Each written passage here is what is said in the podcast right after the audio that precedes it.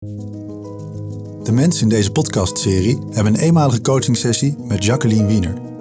Om hun privacy te beschermen blijven ze anoniem. Elke aflevering vertelt het verhaal van een persoonlijke zoektocht. De jonge arts met wie ik vandaag in gesprek ga, twijfelt over de keuze die ze voor haar toekomst moet maken. We gaan samen op zoek naar wat haar daarbij in de weg staat en dan blijkt het toch nog iets anders te zijn dan ze zelf dacht. Van harte welkom, leuk dat je er bent. We hebben net al even kort voorgesproken en wat je mij hebt verteld is dat je op een heel belangrijk kruispunt staat. En kun je me iets meer vertellen over dat kruispunt? Ja, ehm, nou ik ben afgestudeerd en begonnen met werken. Dus dat ten eerste. En ehm, ja, ik moet gaan kiezen uh, wat voor richting ik op wil. En ik werk dus als basisarts, dus ik heb geneeskunde gedaan. En um, je moet gaan kiezen um, wat je later wil worden. En omdat geneeskunde natuurlijk best wel specialistisch is en heel veel uh, ja, tijd vergt, kan je niet zomaar over tien jaar zeggen: hey, uh, dit vind ik toch niet leuk, ik wil wat anders doen. Of dat is gewoon wat moeilijker. Dus het voelt wel echt als een vrij definitieve keuze. En hoe oud ben je? Ik ben nu 27. En dan hoor ik je zeggen een definitieve keuze. En daarmee bedoel je, heb je dan het gevoel van ik maak nu een keuze voor de rest van mijn leven? Ja, een beetje wel, ja. ja. En wat is er nu zo moeilijk aan het maken van de keuze? Um, nou, ik werk nu dus als basisarts gynaecologie. Mm En Um, als je gynaecoloog wil worden, dat betekent dus dat je nu allemaal uh, lijntjes uit moet zetten, contacten moet maken, uh, dingen moet doen om je cv op te bouwen. Dus je gaat 1, 2 jaar als basisarts werken om klinische ervaring op te doen. Uh, je moet promoveren, drie jaar ongeveer. Um, je moet gaan nadenken waar wil ik gaan solliciteren voor de opleiding tot gynaecoloog. Want daar moet je de mensen gaan leren kennen. Je moet je gezicht laten zien. Um, en dat is, ondertussen werk je ook net. En het is je eerste baan en je werkt 50 uur per week met diensten. Um, en er gebeuren ook best wel heftige dingen, want je bent voor het eerst dokter met verantwoordelijkheid. En ik doe bevallingen, dus um, je hebt verantwoordelijkheid voor moeder en voor baby. Uh, en dan is het gewoon heel moeilijk, omdat er zoveel tegelijk gebeurt, om dan ook in de gaten te houden van vind ik het leuk? Want ja, het is dus niet alleen die 50 uur per week werken, maar ook in mijn vrije tijd onderzoek doen en presentaties geven. En daar naartoe, ja, het kost gewoon heel veel moeite. Dus um, ja, vind je dat leuk genoeg om gynaecoloog te worden? Wil je de rest van je leven diensten draaien? Wil je dit ervoor over hebben? Mm -hmm. En dat is heel moeilijk inschatten, want ik heb geen idee hoe mijn leven over tien jaar is. Zeg maar. Nee, nee. maar wie heeft dat wel? Ja, niemand. Ja. um, en wat heeft jou ertoe gebracht om, want je hebt al een keuze gemaakt. Je bent al nu bezig. Ja, hè, als, als, basisarts. Als basisarts, maar in het specialisme gynaecologie. Ja. En je had ook kunnen kiezen voor chirurgie of voor, ja. uh, nou, noem eens een ander, een ander vak, maag, darm, leverarts. Waarom heb je gekozen voor de gynaecologie? Ja, ik vind het vak geweldig. Echt, uh, ik vind het is, het is best wel recht toe recht aan. Eh, best wel veel acute dingen. Hè? Dus de situaties op een verloskamer, daar moet je heel snel beslissingen kunnen eh, nemen en actie ondernemen. Ik vind gewoon het uh, ontwikkelen van een baby en dat vervolgen met echo. En dat is gewoon super leuk. Um, dus dat merk je dan tijdens je kooschappen in je master. Daar proef je dan een beetje van. Maar je loopt echt mee. Dus je eerste baan als basisarts is echt een manier om dan de verantwoordelijkheid die daarbij hoort te voelen en het leven dat erbij hoort te voelen. En of je dat ook leuk vindt. Uh, dus je maakt je eerste keuze van oké, ik vind gynaecologie gewoon het leukst. Of daar wil ik in werken. En nu merk je wat komt er allemaal bij kijken. En vind ik het dan leuk genoeg om te zeggen ik ga promoveren. Ik ga al dat werk doen uh, aan contacten. En... Ja, um, maar je, je zegt wat er nu bij komt kijken, anders dan in het begin tijdens je kooschappen, is dat je verantwoordelijkheid moet nemen. Ja. Um, dat is denk ik niet alleen voorbehouden aan de gynaecologie, toch? Nee. Dat zou je ook in een ander specialisme merken. Ja. En sterker nog, um, ik denk dat ook als jij in je eerste baan komt, hè, na vier, zes jaar studeren, ga je opeens ook verantwoordelijkheid moeten nemen voor soms best wel grote dingen. Ehm, dus de vraag is, wat maakt het, en dat was eigenlijk ook mijn vraag van, wat maakt het ingewikkeld om je keuze te maken? Maar er gebeurde iets toen jij ging vertellen over wat je zo mooi vindt aan dat vak. Kun je daar nog iets meer over vertellen? Heb je iets moois meegemaakt in het afgelopen jaar? Ehm, ja, eh, elke bevalling is bijzonder. En het, het feit dat je dat mag doen, dat je dus helemaal alleen op zo'n verloskamer staat met de verpleegkundige en dat je dus uh, deel uitmaakt van zo'n moment, zo'n belangrijk moment uit iemands leven, dat is gewoon heel gaaf. Uh, en ik, zie je stralen. en ik hoor je ook zeggen dat ik daar alleen sta op die verloskamer met een verpleegkundige. Ja. Hoeveel verantwoordelijkheid wil je? Ja. Ja, dat is best spannend soms. Maar het is wel waar je bij straalt. Ja, want ik vind het wel heel leuk. En ik merk ook, ik, ik heb drie maanden in Tanzania gezeten ja. voor kooschap. En daar veel op de verloskamer ook mee uh, gedraaid. Uh, en daar is heel weinig begeleiding, want de nou, organisatie van zorg is een beetje anders. Ja. Um, en ik, ik merk wel dat ik daar dus inderdaad energie van krijg om uh, ja, leiding te nemen of dingen te doen in zo'n bevalkamer beslissingen te nemen, dat vind ik wel heel leuk. Ook al kan de uitkomst minder leuk zijn. Um, ik ben er niet bang voor. Dat is al, dat scheelt al een heleboel. Ja. Ja. En, en vertel nog eens over zo'n moment. Wat heb je meegemaakt waar je, waarvan je zei, nou, dat was echt zo bijzonder? Um, ja, ik heb. Um, we hadden een, uh, een van mijn eerste bevallingen in Tanzania was een um, liep ik toevallig langs. Er waren allemaal studenten die uh, heel weinig kunnen, die doen eigenlijk maar wat. En het hoofdje bleef vastzitten. Dus dat betekent dat de schouders uh, blijven haken. En zij deden gewoon, dan moet je bepaalde manoeuvre doen, waardoor de ruimte in het bekken groter wordt. En dat deden die studenten absoluut niet. Die hadden geen idee wat ze aan het doen waren. Dus toen heb ik ingegrepen en het opgelost. Terwijl ik het zelf ook in Nederland nog maar twee keer had gezien. En dat ging goed. Het hadden wel een hele slechte baby die het niet goed deed. Die niet ademde, weinig hartslag en zo. Dus, uh, en de opvangmogelijkheden zijn daar ook heel slecht. Dus dan doe je dus die opvang en ondertussen ren je met wat losse doeken door het ziekenhuis naar de andere kant van het ziekenhuis. Want daar is de babyafdeling, uh, zeg maar, waar ze iets meer kunnen en wat zuurstofapparaten hebben. En uiteindelijk is die baby wel wat opgeknapt, maar je weet natuurlijk helemaal niet wat voor schade erachter is gebleven. En aan de ene kant voel je dan helemaal adrenaline en dat je denkt, oh, wat fijn dat ik heb kunnen helpen, want anders was het helemaal niet goed gegaan. Maar ja, ook wel weer heel spannend, omdat je voelt inderdaad dat het ook anders kan aflopen. Maar dat is wel een van de meest bijzondere momenten, denk ik, die ik daar heb meegemaakt. Ja. ja. Wauw, en dan zeker in die omstandigheden. Ja. En dan zie je dat als een soort van de nood aan de man is. Dat je dus actie onderneemt, actie onderneemt ja. en gaat staan en doet waarvan jij denkt: dit is wat er nu nodig is. Ja. ja. Ben je dat bewust? Uh, ja, want dat vind ik wel heel leuk in mijn werk. En dat is ook waarom ik bijvoorbeeld andere richtingen. Dat ik denk, ik, ik denk dat ik me daar ga vervelen. Of ik weet niet of ik daar dan genoeg uitdaging in kan vinden. Uh, en dat ja, in de gynaecologie vind ik dat dus heel leuk, inderdaad.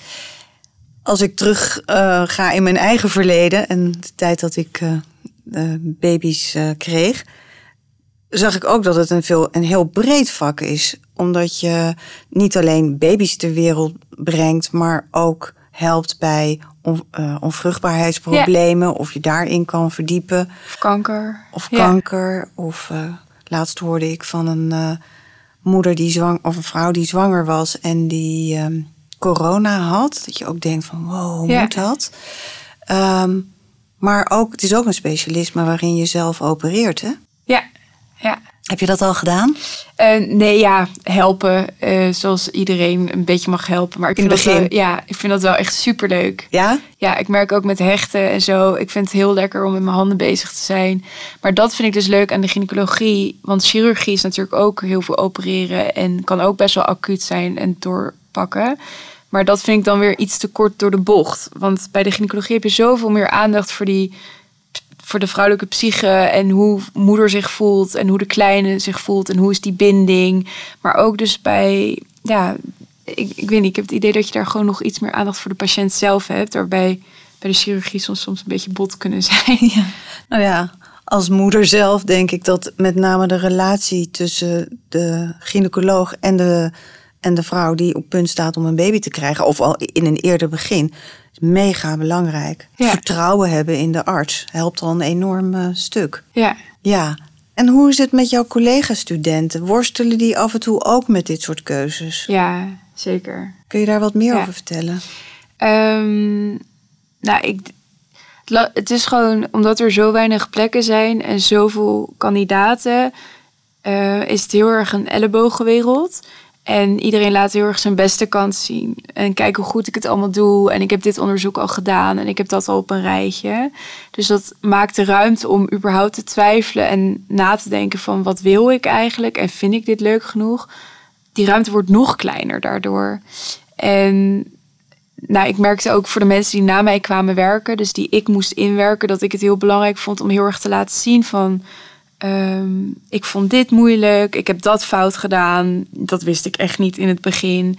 Omdat ik, ik heb dat echt gemist. Dat je gewoon iemand boven je hebt die kwetsbaar is en laat zien het is oké om het even niet te weten of een fout te maken.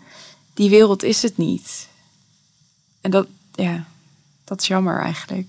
Ja, daar kan ik me wel wat bij voorstellen. En de vraag is, ehm, hoe beïnvloedt jou dat? Hè? Ja. Eh, want je bent natuurlijk nu in, in de opleidingsfase. Op een gegeven ogenblik ben je gynaecoloog. En dan kan ik me ook voorstellen dat dat stuk weer verandert. Dus als jij.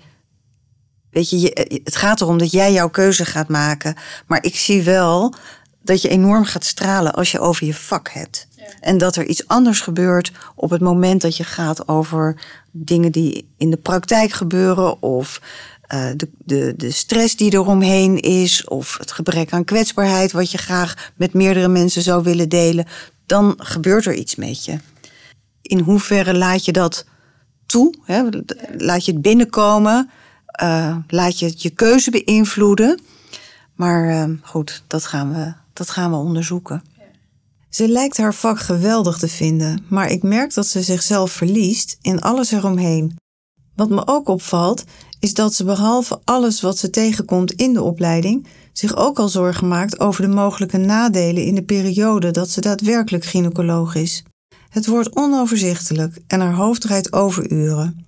Ik voel dat ze daardoor haar passie voor het vak uit het oog verliest. Ik ga haar helpen anders te kijken naar de situatie. Ik hoor je steeds zeggen: ik moet uitvinden of ik het leuk genoeg vind. Ja, En ik vraag me af of dat de vraag is. ja. Eh, want elke keer als je het over je vak hebt, word, je, word zo, blij. word je zo blij. ja. Dus zou je de vraag ook anders kunnen stellen? Ehm, maar het gaat denk ik wel om de balans. Want kijk, ik vind het vak heel leuk. Ehm, en er zitten nadelen aan. Alleen het vak moet leuk genoeg zijn om die nadelen te accepteren. Net als bij elke baan. En ik vraag me soms gewoon af of dat kan. Ja. En eh, noem eens een paar nadelen. Wat zijn de nadelen? Ehm, nou, de, eh, de werkdruk, de uren die je maakt, ehm, de manier van feedback geven, eh, de begeleiding vanuit het ziekenhuis. Ehm, je bent gewoon heel erg afhankelijk van wie jouw begeleider is. En omdat het gewoon heel druk is in een ziekenhuis. eh, en ja, is die niet echt optimaal altijd. En kan je best wel wat voor je kiezen krijgen waarbij ik het me dus heel erg aantrek. Ik ben niet zo goed in denken, oké, diegene heeft het nu druk of die heeft zijn dag niet. Dus de manier waarop ik deze feedback krijg ligt aan hem of haar en niet aan mij. Maar wat je doet, als ik het goed begrijp, is dat je het persoonlijk Ja. maakt. Ja. Maar de nadelen die je noemt, hè? Ja. Want ehm, kijk, ik probeer het even uit elkaar te halen. Je hebt een keuze te maken voor je toekomst. En de toekomst begint in feite waar jij het over hebt, is als je gynaecoloog bent en dat nog lange tijd in je leven gaat doen. Ja. De nadelen waar je over hebt, zijn vooral de nadelen die je nu tegenkomt in, in de fase dat je in opleiding bent tot gynaecoloog. Dus misschien, misschien ja, en, en corrigeer me als jij Ja. zegt dat het anders is, maar gaat het er niet om dat jij een manier wil vinden waardoor je beter en gemakkelijker kan omgaan met de dingen waar je tegenaan loopt in de opleidingsperiode? Ja. Of zeg je nee, het zit toch anders? Ja, nee, ik denk dat wel dat dat misschien wel helpt. Nou ja, en je hebt ook de nadelen van eh, altijd dienst tot je 65ste. Dus één keer per, zo, per week, per tien dagen heb je een 24 uursdienst. Eh, altijd die verantwoordelijkheid. ehm, weinig tijd voor je gezin, weinig tijd voor andere hobby's. eh, vaak s'avonds nog doorwerken. Maar goed, daar denk ik inderdaad nu minder eigenlijk over na dan meer de manier waarop, ja. Ja, ik denk, ja. Eh, en het maakt het complex als je die dingen van later er nu allemaal ook bij betrekt. Hè? Want wanneer ik naar je kijk, zie ik dat je vooral hè, bijvoorbeeld moeite hebt met feedback die wat hard binnenkomt. Of ehm, met de hoeveelheid die nu op je afkomt van en hè, je bent nieuw in je baan, 50 uur werken ehm, en straks nog promoveren en nog studeren. Het is, dat is veel. Dus de vraag is dan, hoe ga jij om met zo'n volle agenda? En wat heb je nodig om in je kracht te blijven en goed voor jezelf te kunnen zorgen en minder uit het lood te gaan van iemand die nou ja, een wat onaardige of een heel, hele directe feedback geeft. Ja, dat, zo had ik hem nog niet bekeken. Ja, Maar weet je wat we kunnen doen? Laten we eerst misschien dan even kijken wat er in het, hè, in, in het nu zit waar jij soms last van hebt of waarvan je merkt dat je je energie wegloopt. En als we, dan kunnen we daarna kijken van oké, en wat betekent het nou als jij je keuze maakt en er vol voor gaat? Ja. Wat, wat voor twijfel zou er dan misschien nog komen? Nou, wat ik net al zei, is dat je, eh, als jij over je vak praat, dan zie ik opeens een heel ander gezicht. Dan ga je echt stralen. En noem eens een paar dingen waar je in je, eh, sinds je aan het werk bent als, als basisarts, waar loop je nou tegenaan? Waar, waar verlies je je energie? Wat, wat maakt dat je Ehm, die twijfels krijgt? ja, of je het wel goed genoeg doet. Oké. En is of jij het goed genoeg doet, is dat iets van het afgelopen jaar of heb je dat al langer in je leven? Ja, dat heb ik al langer. En weet je waar het vandaan komt? Weet je, noem je het ook perfectionisme? Belang hebben dat het steeds zo goed gaat? Eh, ja. Ja. Ja, en alles gewoon 100% goed willen doen. En als het niet gaat, of als je feedback krijgt. Ik ben heel erg voor feedback. Mhm. Maar ik, ga, ik probeer het dan voor 200% te verbeteren. In plaats van dat ik het gewoon eruit haal waarvan ik denk: hé, hey, En waarom ga je dan voor 200% verbeteren? ja, omdat ik wil dat, dat de anderen vinden dat ik het goed doe. Ja. En, wat is, en, en wat is daar zo belangrijk aan? ja, geen idee. Want wat gebeurt er met jou als iemand zegt van nou, die bevalling had je toch een stuk beter kunnen doen of je had eerder dit of dat kunnen doen? Wat voel je dan van ja, binnen? Ik voel me heel slecht en alsof ik het niet kan. En niet goed doe en niet goed genoeg ben dan. Het valt me op dat ze zachter gaat praten als het over haarzelf en haar kwetsbaarheid gaat. Haar stem wordt trillerig. Ik krijg het idee dat we op een belangrijk punt aankomen. Zijn er momenten geweest in je leven dat je dat hebt meegemaakt? Dat je met iets bezig was of voor iets had gekozen en dat later bleek dat je niet goed genoeg was of het niet goed genoeg kon? Ehm, nee, ja, nee, valt mee. Ik heb één keer... Ik heb altijd veel gehockeyd. En toen heb ik één keer gehad dat ik niet in het selectieteam mocht. dat is denk ik het ergste wat ik ooit heb meegemaakt. maar dat, dat hoorde natuurlijk wel bij. Want ik heb altijd veel gehockeyd. En dan was het wel altijd, sta je in de basis of niet? Eh, doe je het goed genoeg of niet? Hoe heb je de training gedaan? Ehm, dus ik ben daar altijd wel heel veel mee bezig geweest, inderdaad. Ja, en natuurlijk, als je daar op dat niveau hockeyt, dan is het niet leuk als je niet in de selectie komt. Nee. Of was het erger dan niet leuk? Nee, het was. Ik heb gewoon twee dagen uh, gehuild en daarna was het oké. En toen was het over. En het jaar daarna was ik weer in de selectie. dus het was weer oké. Dus eigenlijk was er niet zo'n heel groot drama. Nee, nee. nee. Is het dan meer de angst dat er iets gebeurt met jou of als Ja. je een keer iets niet goed zou kunnen of als iemand vindt dat je iets niet goed hebt gedaan? Ja, misschien omdat het nog nooit is echt heel hard is gebeurd, dat ik daar dat je dan dus maar probeert eh, alle ballen hoog te houden, want dan kan in ieder geval niemand er iets van vinden. Zo misschien valt het wel mee. Het valt Nou ja, kijk, mee. weet je, mensen vinden altijd iets van iemand of van wat of dus dat heb jij ook helemaal niet in de hand. En dat, dat Nee. gebeurt. De vraag is, wat zou er met jou gebeuren als iemand een keer zegt: hé, hey, dat heb jij niet goed gedaan? Ja, En waarschijnlijk omdat je het nog nooit hebt meegemaakt. En omdat, dus je hebt niet de ervaring van hé, hey, dat is eigenlijk helemaal niet erg. En omdat het lijkt alsof je het heel groot maakt. Als, alsof dat dus het ergste is wat jou kan gebeuren. Ga je dus heel hard werken. Ja. Of nog veel beter je best doen. En verlies je misschien daar wel veel energie in. ja. Ja, dat denk ik wel. En wat zou er gebeuren als je. En want je zegt, en dat is waarschijnlijk rationeel, ik ben voor feedback. Ja, want hoe, hoe kun je anders Ja. leren? Maar als je het zou binnen kunnen laten komen en zelf de afweging kan maken: hé, hey, dit was eigenlijk wel een goede, hier kan ik wat mee.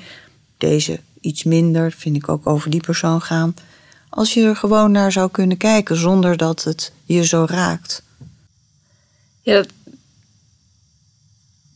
dat zou heel fijn zijn, maar ik ben er gewoon echt, echt niet goed in. Nee, ehm, maar dat, weet je, als je, als je begint om te zien dat je je heel erg inzet zet om iets te voorkomen wat misschien helemaal geen probleem is, ja, dan zou je in de toekomst kunnen kijken van hé, hey, ik ben nu dat aan het voorkomen, maar dan ook de vraag te stellen, maar stel dat het gebeurt, wat dan? En dan misschien je schouders een keer ophalen en denkt van ja, dan zie ik het dan wel. Of dan los ik het daarna wel op. Ja. Of, eh, maar zover kom je nu nog niet.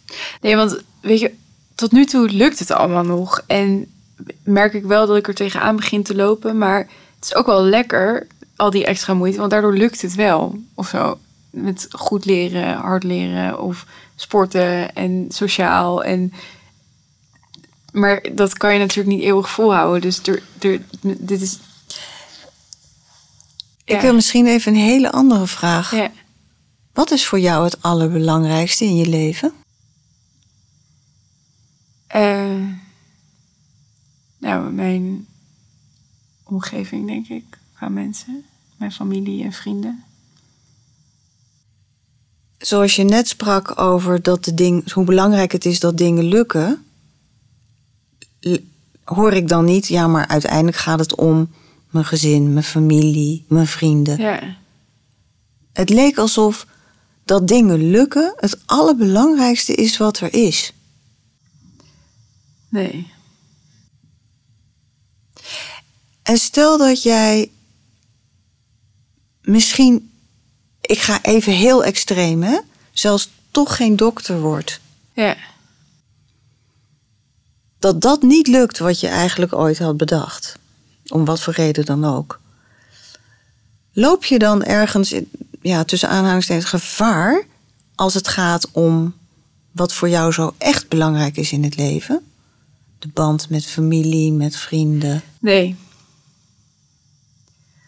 Nee.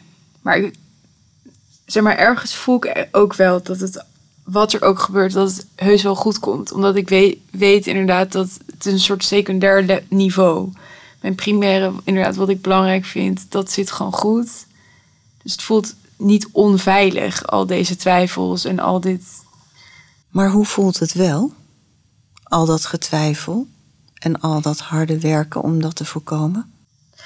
Ja, het voelt eigenlijk bijna alsof je, alsof je nu kijkt naar je tiener zelf. Van wat ben je allemaal aan het doen of zo. Dan maak je het jezelf moeilijk. Maar het lukt nog niet om eruit te komen of zo. Ja, en, en even kort door de bocht. Het is vooral ontzettend vermoeiend. Ja. Ja, want je, je zei al eerder een keer tegen me van... ik ben zo ontzettend moe. Waar word jij nou zo ontzettend moe van? Ja, nadenken inderdaad. En gewoon elke keer een stapje extra zetten. Ja, weet je, er zijn mensen die werken 60 uur en die kikken van de energie. Er zijn mensen die werken 30 uur en die lopen altijd te puffen. En oh, ik heb het zo druk. En oh, en dan moet ik ook nog dat en zus en dat. Waar zit het verschil? En het verschil kan zitten in ehm, dat diegene van 60 uur zijn werk heel leuk vindt. En die van 30 misschien wel minder. Het kan ook zitten in dat die van 60 uur gewoon doet en gaat en geniet van wat hij tegenkomt. Ja. En die van 30 uur ja, misschien wel heel veel twijfels heeft, overal zich druk over maakt, tegenop ziet. Dat kost heel veel energie. Ja. En als ik aan jou vraag van waar ben jij zo moe van, zeg je eigenlijk zonder al te veel nadenken. Ja, van al dat nadenken. Ja. En al die gedachtes en die lat zo hoog leggen. En steeds maar weer een stapje en weer een stapje. En misschien ook wel van de druk die je voelt. Vanuit de omgeving en vanuit het feit dat er meer mensen gynaecoloog willen worden. Ja. Hè? Dat je hebt bedacht, ik moet wel steeds harder lopen. Ik moet wel nog zoveel schepjes erbovenop doen. Is dat zo? Ja, of je daar uiteindelijk een betere dokter van wordt. Of wel door uitgekozen wordt of niet. Ja. Wat denk je? Nou, nee. Ik denk niet dat je er een betere dokter van wordt. Alleen dat die hele procedure is zo scheef. Dat het is niet een eerlijke eh, wereld of zo. Kun je dat, kun je dat toelichten? Eh, dat ja. Dat uiteindelijk het, eh, je moet er bovenuit springen. Want er zijn genoeg mensen die leuk en lief zijn en ook prima werk leveren. Maar je moet op. Omdat er dus zo weinig. Er zijn, weet je, er zijn in Amsterdam zeven plekken voor 50 sollicitanten, geloof ik. Ja, Mhm. dat- dus je, het is, je moet echt qua kennis, qua onderzoek. Iedereen promoveert in zijn vrije tijd. Iedereen. Dat, dus dan voelt het alsof, ik, alsof dat niet kan, inderdaad. Dat je kan zeggen van zolang je doet wat je leuk vindt en je voelt je goed. Dat is een hele scheve inderdaad. Wat gebeurt er nu? Dat weet ik niet. Je loopt vast, hè, Ja, ergens. vast, ja. Ja, ja, want weet je, over die 60 uur werken en kicken van de energie. Ja, Misschien kan jij prima 50 uur per week werken en, ehm, en promoveren. Omdat je het vak zo leuk vindt. En is het iets anders waar je je energie in verliest? ja? De procedure is scheef. Eh, het gaat niet altijd eerlijk. Ehm, weet je, als je dat heel veel aandacht geeft, dan verlies je daar energie in. Als jij heel erg blijft stralen met wat je doet en wat je meemaakt, minder last krijgt van feedback, daar gaan we zo even over hebben. ja, Ehm, en een manier vindt om toch goed voor jezelf te zorgen. Terwijl je gewoon hebt besloten: ik ga de komende vier, vijf jaar echt investeren in mijn toekomst. Want dit is het vak wat bij me hoort. En stel dat. Ja, dan is het misschien wel zwaar, maar wel de moeite waard. ja. Ja, Want volgens mij ben je wel ambitieus. ja. Ja. Nou, en dat, misschien is dat wat, of tenminste daar loop ik afgelopen maand een beetje tegenaanachtig. Dat ik me afvraag. Ik vind het leuk om ook zelf initiatief te nemen of dingen uit te zoeken of te proberen. En dit is zo'n gestroomlijnde wereld. Waarin de komende 10, 15 jaar een soort van heel erg vast ligt. Omdat dat van je verwacht wordt, dat van je verwacht wordt. Dat ik een soort van bang ben dat ik dus niet mijn eigen soort van creatieve energie nog kwijt kan. In dingen die ik wil. Naar het buitenland gaan of een project opzetten. Of, en dat ik alleen maar doe wat, hè, zo van, je gaat werken als basisarts. Je gaat aan dat onderzoek meedoen, want dat is nu vrij en dat willen wij van jou. En wat gebeurt er als iemand zegt je gaat aan dat onderzoek meedoen? Is dat nog in je opleidingstijd? Ja, dus uh, voor je gaat solliciteren, zeg maar, voor de opleiding tot ja. gynaecoloog. Ja. Ja, en, hoe, en die periode duurt nog? Geen idee, ja. Er komt een moment dat ze zegt, nou, uh, ga dit jaar meedoen met solliciteren. Maar dat duurt geen vijf jaar nog. Nee, ik, ja, twee, drie jaar, denk ik. Ligt er een beetje aan hoe, hoe alles vlot. Ja. En waar je ook wil solliciteren, in welke stad. Maar stel dat jouw droom is om een keer een project op te zetten. Of iets anders te doen in het buitenland. Kan je dat opschuiven tot over drie jaar of tot over vijf ja. jaar? Nee. Nee. Nee, want het lastige is dus, als je dan eenmaal aangenomen bent voor de opleiding, heb je dus natuurlijk zes jaar opleiding. En daarna ben je dan gynaecoloog, maar dan uh, zijn nu heel weinig plaatsen voor gynaecologen. Dus je bent vaak 1, 2, 3 jaar ook nog uh, als gynaecoloog met een jaarcontract aan het werken. Voordat je een vaste plek krijgt. Um, en pas als je een vaste plek hebt, heb je denk ik wat, denk ik, want dat weet ik ook niet zeker, maar wat meer mogelijkheid om nou ja, dat soort dingen te bedenken of naar het buitenland te willen of uh, iets ernaast te doen dan alleen maar als gynaecoloog werken. Maar dan ben je al in de veertig. En ja. En heb je er wel eens over nagedacht als je het hebt over je creativiteit of een project in het buitenland doen? Zou je dat morgen kunnen gaan doen? Ja, als ja kan. Binnen jouw vakgebied? Um, dat, dat kan. Nee, een van de andere opties waar ik ook nog over twijfel is of, je niet, of ik niet tropenarts wil worden. Omdat je daar heel veel gynaecologie en verloskunde hebt, maar ook chirurgie en kindergeneeskunde en dus veel buitenland. Weet je waar ik een beetje zoekende in ben? Ja. Het klinkt eigenlijk alsof de wereld voor je open ligt. Ja. En je zo ontzettend veel mogelijkheden hebt. En wat maakt nou dat het, want als ik naar je luister, klinkt het zo zwaar. Zo alsof alles vast ligt of dat je niet je eigen keuzes kan maken. Terwijl je zou bij wijze van spreken nu kunnen kiezen, nou weet je wat, ik ga toch kiezen voor tropenarts. Of ik ga. Ik ga nu kiezen voor huisarts worden en daarmee heb ik veel meer ruimte om daarna nog allerlei keuzes te maken, zowel in het buitenland als in Nederland of meer balans werk-privé. Wellicht, weet niet of dat zo is.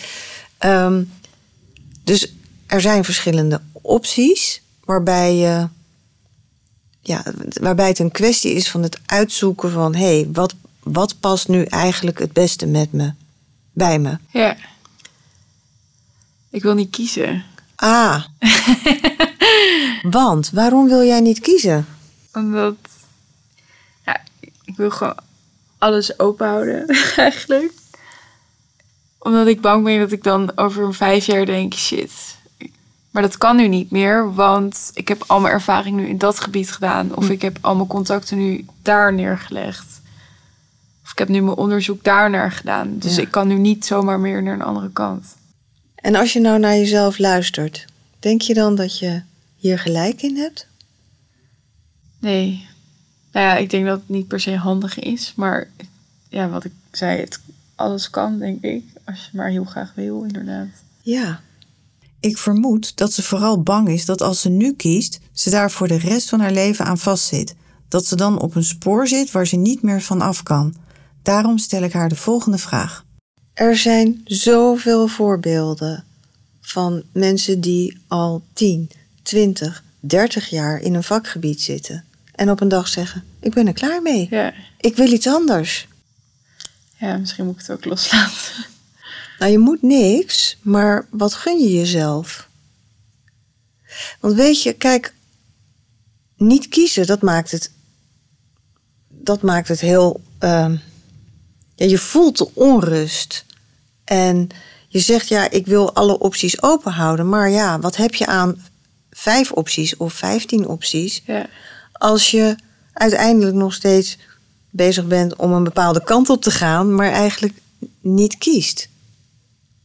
Word je er gelukkig van? Nee. Nee. Waar word jij wel gelukkig van? Ja, vol voor iets gaan. Ah, en dan zie ik je onmiddellijk weer stralen. En nou zei je in het begin, ik ben zo bang eigenlijk dat ik iets niet kan. Of dat ik het toch niet kan, hè? En wat gebeurt er nou met jou als jij nu zegt, weet je wat, ik vind het zo gaaf nog wat ik leer bij gynaecologie. Ik ga hier nog voor, vol voor. En over twee jaar neem jij een vakantie en je gaat er nog eens heel goed over nadenken. En je denkt, ik wil toch iets anders. Wat zou er dan gebeuren? Gewoon weer leuke nieuwe plannen. nee, ja, eigenlijk niks. Nee. Dat is oké. En wat heb je dan losgelaten? Het plan maken. En dat, dat dat moet of zo. Nou, dat het voor de rest van je leven Ja. is, hè? En dat je dan nooit meer zou kunnen bewegen of een andere richting kan kiezen. Ja. Hoe lang jij nu bijvoorbeeld gynaecologie doet, alle ervaring die je opdoet, is niet alleen met babytjes, vruchtbaarheid, bevalling, opereren. Maar is veel meer dan dat. Gaat over verantwoordelijkheid nemen, samenwerken, eh, feedback incasseren, eh, werk-privébalans hanteren. Noem maar op. Ja. Nooit weggegooid. Nee. Weet ik ook. Oh, je weet ja, het wel. weet ik ook. Ja. Maar eigenlijk gaat het dus alleen maar over de gedachte dat als jij nu een keuze maakt, dat je hem voor de rest van je leven maakt. ja, die moet ik loslaten. Die mag jij loslaten. Want hoe oud je ook bent, ja. Ik zie bijna iets van je schouders afvallen. Ja. Maar je zit dan zo vast in je eigen hoofd dat je gewoon niet meer kan nadenken soms. Ja, in combinatie met als je zo hard werkt en de druk zo hoog legt en moe bent, Ja, op een gegeven ogenblik zie je het niet helder meer. nee. En ehm, ja, en nu praten wij. En soms valt het kwartje in een gesprek met een vriendin of met iemand anders. Ehm, maar delen helpt altijd. Ja, Ja. En jezelf hardop horen praten. Ja. Geeft soms, hoeft die ander soms niet eens wat te zeggen. je hoort jezelf inderdaad al. Ja. Ja. Heb jij een vraag aan mij nu we op dit punt in het gesprek beland zijn? Mm. Ja, ik denk inderdaad dat je, je blijft terugvallen in je oude patronen. Ja. ja? Ik blijf inderdaad met die feedback. Ik ben er gewoon niet goed in. Oké, zullen we daar dan even Ja. verder op gaan, op ingaan? Ik zei net al, van als iemand tegen jou zegt van ik heb iets niet goed gedaan, dan raakt hij iets in jou. En de vraag is, waarom is het voor jou zo belangrijk dat je alsmaar de dingen goed doet? Ja. Kun je het zelf nog even terughalen? Het moment of een... Nou, het gesprek eigenlijk, want jij, jij, jij, wat ik voelde was een soort angst van, oh god, straks gaan ze doorhebben dat ik het toch niet kan. Of misschien, ik probeer even, val ik door de mand Ja. dat ik toch eigenlijk niet zoveel in mijn mars heb als iedereen denkt? Maar zeg het eens in je eigen woorden. Ehm, ik ben gewoon bang dat je... Want iedereen is lerende, maar alsof je het echt niet, ja, echt niet goed doet. Alsof je het ook dus niet in je hebt om, om wel op dat niveau te komen wat ze willen. Ja. En dan is de hele simpele vraag. Stel nou eens dat jij het niet in je hebt. Ja, ik, wil, ik wil geen last zijn. Dat is het denk ik ook. Omdat het zo druk is in het ziekenhuis. En het is zo lekker als je me- goed mee kan draaien en dingen kan. En dat ik denk, straks ben ik een last voor iemand omdat ik dingen niet kan of omdat ik te langzaam leer. Maar je hebt dus ook een heel groot verantwoordelijkheidsgevoel. Je, het is niet alleen voor jezelf, maar ook nog voor anderen. Ja, je gunt inderdaad een patiënt niet iemand die iets niet goed kan. Nee, maar je loopt niet alleen rond in dat ziekenhuis, toch? Nee. En beslissingen nemen op de verloskamer in je eentje, daar, daar ging het niet over. Eh, nee, ja, ook wel, want eh, of je de beslissing op tijd hebt genomen en of, of je op tijd hebt overlegd. En Dit zijn allemaal gedachten die jou bevestigen in... ik moet het op elk moment goed doen. ja, Maar toen je aan het begin van het gesprek vertelde over... dan sta ik daar alleen op die verloskamer met een verpleegkundige... en toen was je helemaal in je element. ja, Dat vond je super gaaf. Die indruk maakte je. En natuurlijk heb je af en toe je twijfels. Heb ik op tijd gehandeld of ga ik nu op tijd handelen? Maar je neemt wel de beslissing. ja, Ja. Maar toen je het net had over iemand tot last zijn, ging het toen over een andere dokter of ging het over een patiënt? andere dokter. Ah. En toen zei ik, je neemt dus ook nog de verantwoordelijkheid voor die andere dokter op je schouders. Ja, Helpt dat? nee, Nee. Heeft hij daarom gevraagd? nee, Nee. Dus wat je eigenlijk doet, is. Je bent een beginnend dokter. En rationeel kun jij heel goed volgen dat die gaat leren. ja, En soms gaat het iets sneller en soms gaat het iets minder snel. Maar als jij het leren ook nog koppelt aan. Maar ik mag vooral een ander niet tot last zijn, dan wordt het heel zwaar ja, dan ga je dus energie verliezen. Daarmee wordt het leven zoals je beschrijft dubbel zwaar. Het is niet alleen hard werken en promoveren. Nee, ik moet ook nog zorgen dat ik niemand tot last ben. ja, Ik moet altijd een goede beslissing nemen, altijd op tijd. Eigenlijk zeg je tegen mij: ik mag geen fouten maken. ja. Is die reëel? Nee, nee, Nee. je gaat sowieso fouten maken. Ja.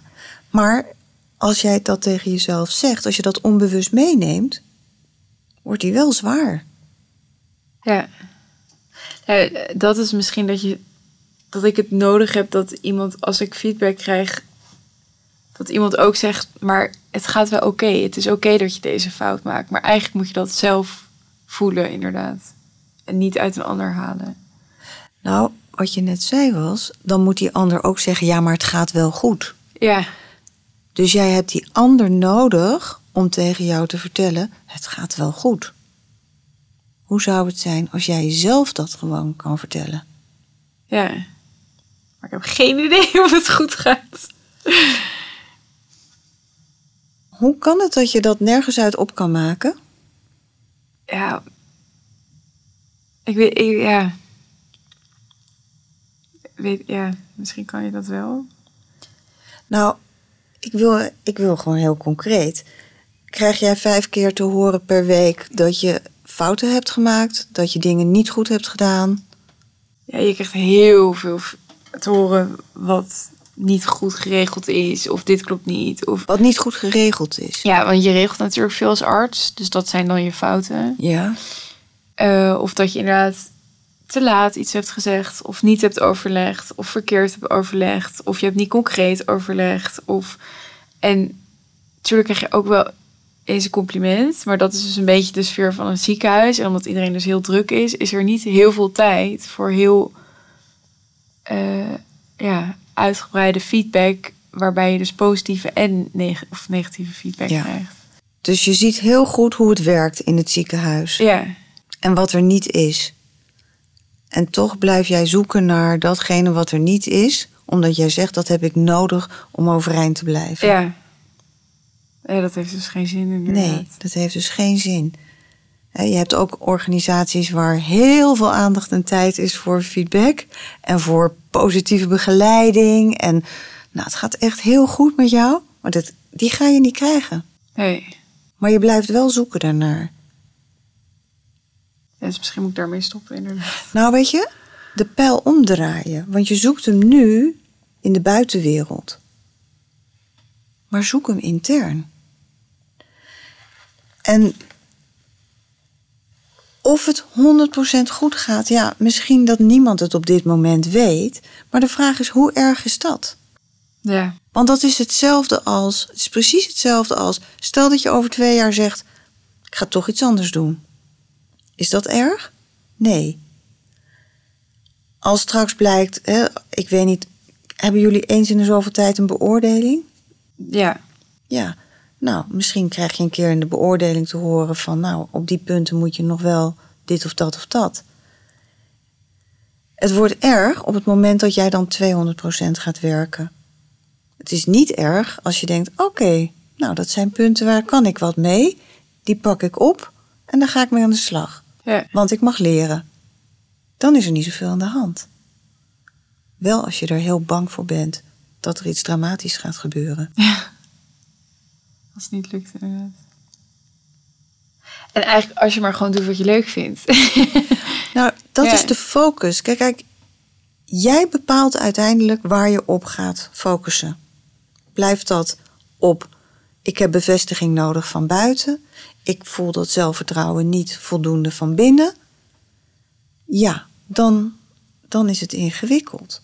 Maar als jij de focus naar binnen houdt, goed voor jezelf zorgt, weet wat je waard bent, weet dat als iets tegenvalt in je leven, dat je ook in staat bent om daar weer mee om te gaan. ja, dan komt het uiteindelijk wel goed. Dan komt het uiteindelijk wel goed. Ja. En jij bepaalt hoe je de feedback naar binnen laat komen. Ehm, en weet je, wat ook nog kan, er zal altijd een moment zijn. Kijk, ik neem aan dat jullie in alle drukte, in, dat zo'n feedback ook heel snel gaat. En hup, de dok- die, die dokter die dat gaf, die loopt weer door, want die heeft nog een hele lijst af te werken. Ja. Maar er zullen toch ergens momentjes zijn dat je eens met iemand even iets rustiger praat. Ja. Ja, jawel. En dan kun je natuurlijk ook zeggen van... goh, weet je, ik weet waar ik aan te werken heb... en of ik krijg dat en dat terug. Maar ik vind het ook leuk als je me even vertelt... van hoe vind jij dat het gaat? Of heb je nog een goede tip? Of kun je me nog iets aanbevelen? Ehm, kun je daarna zelf weer kijken wat je daarmee ja, doet? doe, ja. Ja, maar je mag er ook actief naar vragen. Ehm, en ik ga ook tegen je zeggen: we hebben het nu over een hele specifieke wereld. Ja. Maar denk niet dat het in het bedrijfsleven allemaal zo verschrikkelijk anders is. Nee. Want ik hoor zoveel mensen ook zeggen: joh, die bijvoorbeeld in een, eh, bij een groot accountantskantoor, die partners die hebben het heel druk. Daar heb je ook mee te dealen. Maar ook daar heb ik wel eens gezegd: heb je wel eens gevraagd om even tijd om toch te gaan zitten? Heb je gevraagd om, hey, zeg eens hoe het gaat? Weet je, dus dat gaat over dat jij een beetje de regie gaat pakken voor jezelf. Om te kijken wat heb jij nodig en hoe kan je het vanuit jezelf halen. En ook dat je af en toe even afpelt van ja, ik ben heel bang of ik ben daar niet zo goed in.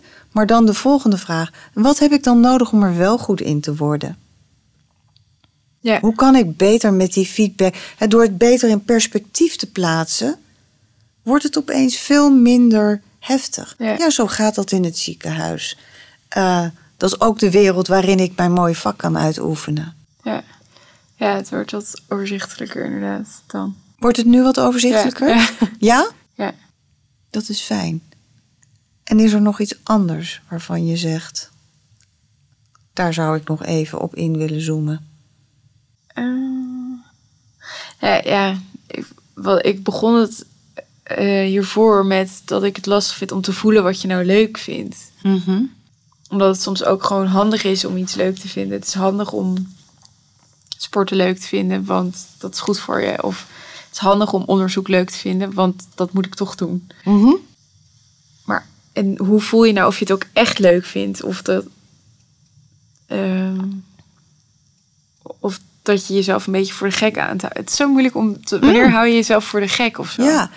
Mag jij jezelf toegeven dat je iets niet leuk vindt? Ja, als het niet. eh, ja. Ik kijk dus eerst of het handig is om het leuk te vinden eigenlijk. Ja, maar weet je, als het gaat over het onderzoek doen, hè? Ja, Misschien zeg je wel, is niet het allerleukste deel van mijn werk. Maar ik ga het wel doen, want dat heb ik nodig om gynaecoloog te worden. Ik denk dat het meer ruimte geeft om af en toe te zeggen: ik heb er eigenlijk niet per se het meeste zin in. Ik zou liever die 20 uur per week nog besteden aan bevallingen doen. ja, Als je jezelf dat mag toegeven, nou, dan ontstaat er ook wat ruimte. Het is heel vermoeiend om jezelf continu te dwingen om alles maar leuk te vinden en goed te vinden en jezelf op te krikken. Ehm, en als jij graag gynaecoloog wil worden, eh, ja, dan hoort dit er misschien bij. En dan neem je de beslissing om daar even twee of drie jaar je tanden in te zetten. En dat zal het niet altijd gemakkelijk zijn. En dan kan je weer denken: oké, als ik dan en hard moet werken en dat moet doen, dan moet ik ook iets verzinnen waardoor ik goed in balans blijf, Ja. waar ik me regelmatig in kan ontspannen. En dan ga jij bedenken wat je daarvoor nodig hebt. Dan neem je weer een stukje regie over jouw leven. En ehm, ja, dan, dan ontstaat dus ook die balans. eigenlijk moet je zelf gewoon tijd om na te denken. Het is ehm, vrij belangrijk.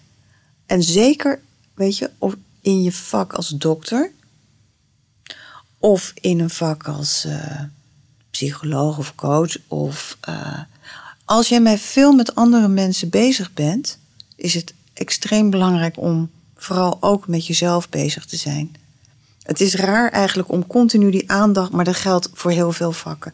Het, het geldt eigenlijk voor iedereen in het leven.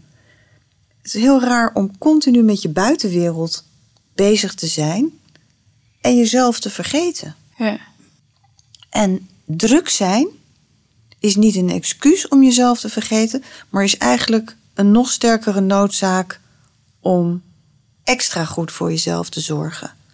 En ehm, ja, er is altijd ergens ruimte om eh, even bij jezelf stil te staan en het goede gesprek met jezelf te hebben. ja. Maar je moet, ja, je moet jezelf gunnen inderdaad. Nou ben ik nog wel even tot slot, denk Ja. ik, heel benieuwd naar. Je had allerlei ideeën over ehm, wat het leven zwaar maakt in jouw vak. En ik zei van ja, spitst het zich niet vooral toe op de opleidingsfase? Toen zei je ja, er komt misschien ook daarna nog wel een stuk, maar laten we eerst focussen op de opleidingsfase. Ja, Heb je nu het idee van, ik kan nu wel een keuze gaan maken? ja. ja. Ik moet gewoon niet te bang zijn om die keuze te maken. Ja, en als je hem, wat ik je dan mee wil geven, Ja. als je het positief maakt, dan hoop ik dat je het vertrouwen hebt in jezelf, dat als je op een dag denkt, ik wil toch iets anders, Precies. Dat je dat ook kan doen. Ja. En dat alles wat je tot nu toe gedaan hebt, dat je dat meeneemt aan ervaring, aan kennis. Maar dat is ook het, als, je, als ik terugkijk naar wanneer voelde ik me supergoed of wat waren de leukste periodes uit mijn leven. Dat is ook gewoon omdat ik eigenlijk heel onbezonnen, maar he- helemaal in enthousiasme in iets gedoken ben. Wat uiteindelijk leuk is uitgepakt of niet. Maar dan heb ik weer wat anders bedacht. En dan, ja. Dus dat moet ik eigenlijk inderdaad nu ook gewoon vasthouden. Ja, dat is mooi, want daar kun je zelfvertrouwen aan ontlenen. Dat je dat dus. En, en weet je, dat je dus geniet als je er vol voor gaat. En dat je ook als blijkt dat het iets niet zo gaat als je van tevoren dacht, dan maak je weer een andere keuze. Ja, En het lijkt alsof dat meer hoort bij, bij jonge mensen. Maar volgens mij staat de wereld altijd open en zijn er altijd keuzes. eh, is het altijd mogelijk om een goede keuze te maken? ja. Of een andere keuze te maken? Eens. Ehm, volgens mij hebben we wel een mooi, eh, mooie boog gemaakt. Is er nog iets wat, wat bij jou leeft? Nee, Nee? nee. Ik ben nog één ding benieuwd. Ja. is. eh, voel je je iets anders dan aan het begin van het gesprek? Ja. Ja, Ja. En, kun je, en kun je uitleggen waarom? En hoe, hoe je je anders voelt en, en waar dat aan ligt? Ehm, voelt inderdaad A, alsof ik gewoon wat meer grip heb op wat er eh, wat ik voel en denk en waar, waarom ik twijfel of dingen eng vind of dingen zwaar maak.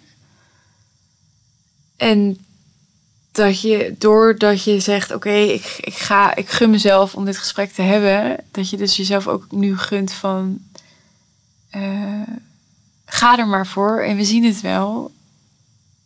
En je weet dat je over twee jaar of drie jaar eventueel iets anders kan kiezen. Of morgen. Of over twintig jaar. Ja, alsof je inderdaad toch iets meer zelfvertrouwen hebt gekregen in een uurtje. Ja. En inderdaad, af en toe dat goede gesprek voeren met jezelf. Om ook te, ehm, eh, te weten van zit ik nog op koers? Word ik nog blij van wat ik doe? Precies. En van daaruit kun je bijsturen. En, eh, en kun je alle keuzes maken die goed zijn voor jou. Ja. Ja, want ik had al even een tijdje niet meer gevoeld of niet meer door dat ik het echt zo leuk vind. Omdat er zoveel andere dingen bovenop zaten, inderdaad. Ja. Hartstikke fijn, dank je wel. Graag gedaan. Jij bedankt.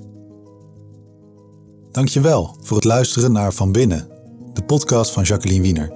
Heb je vragen naar aanleiding van deze aflevering of wil je zelf een keer in gesprek met Jacqueline? Kijk dan op de website jacquelinewiener.nl.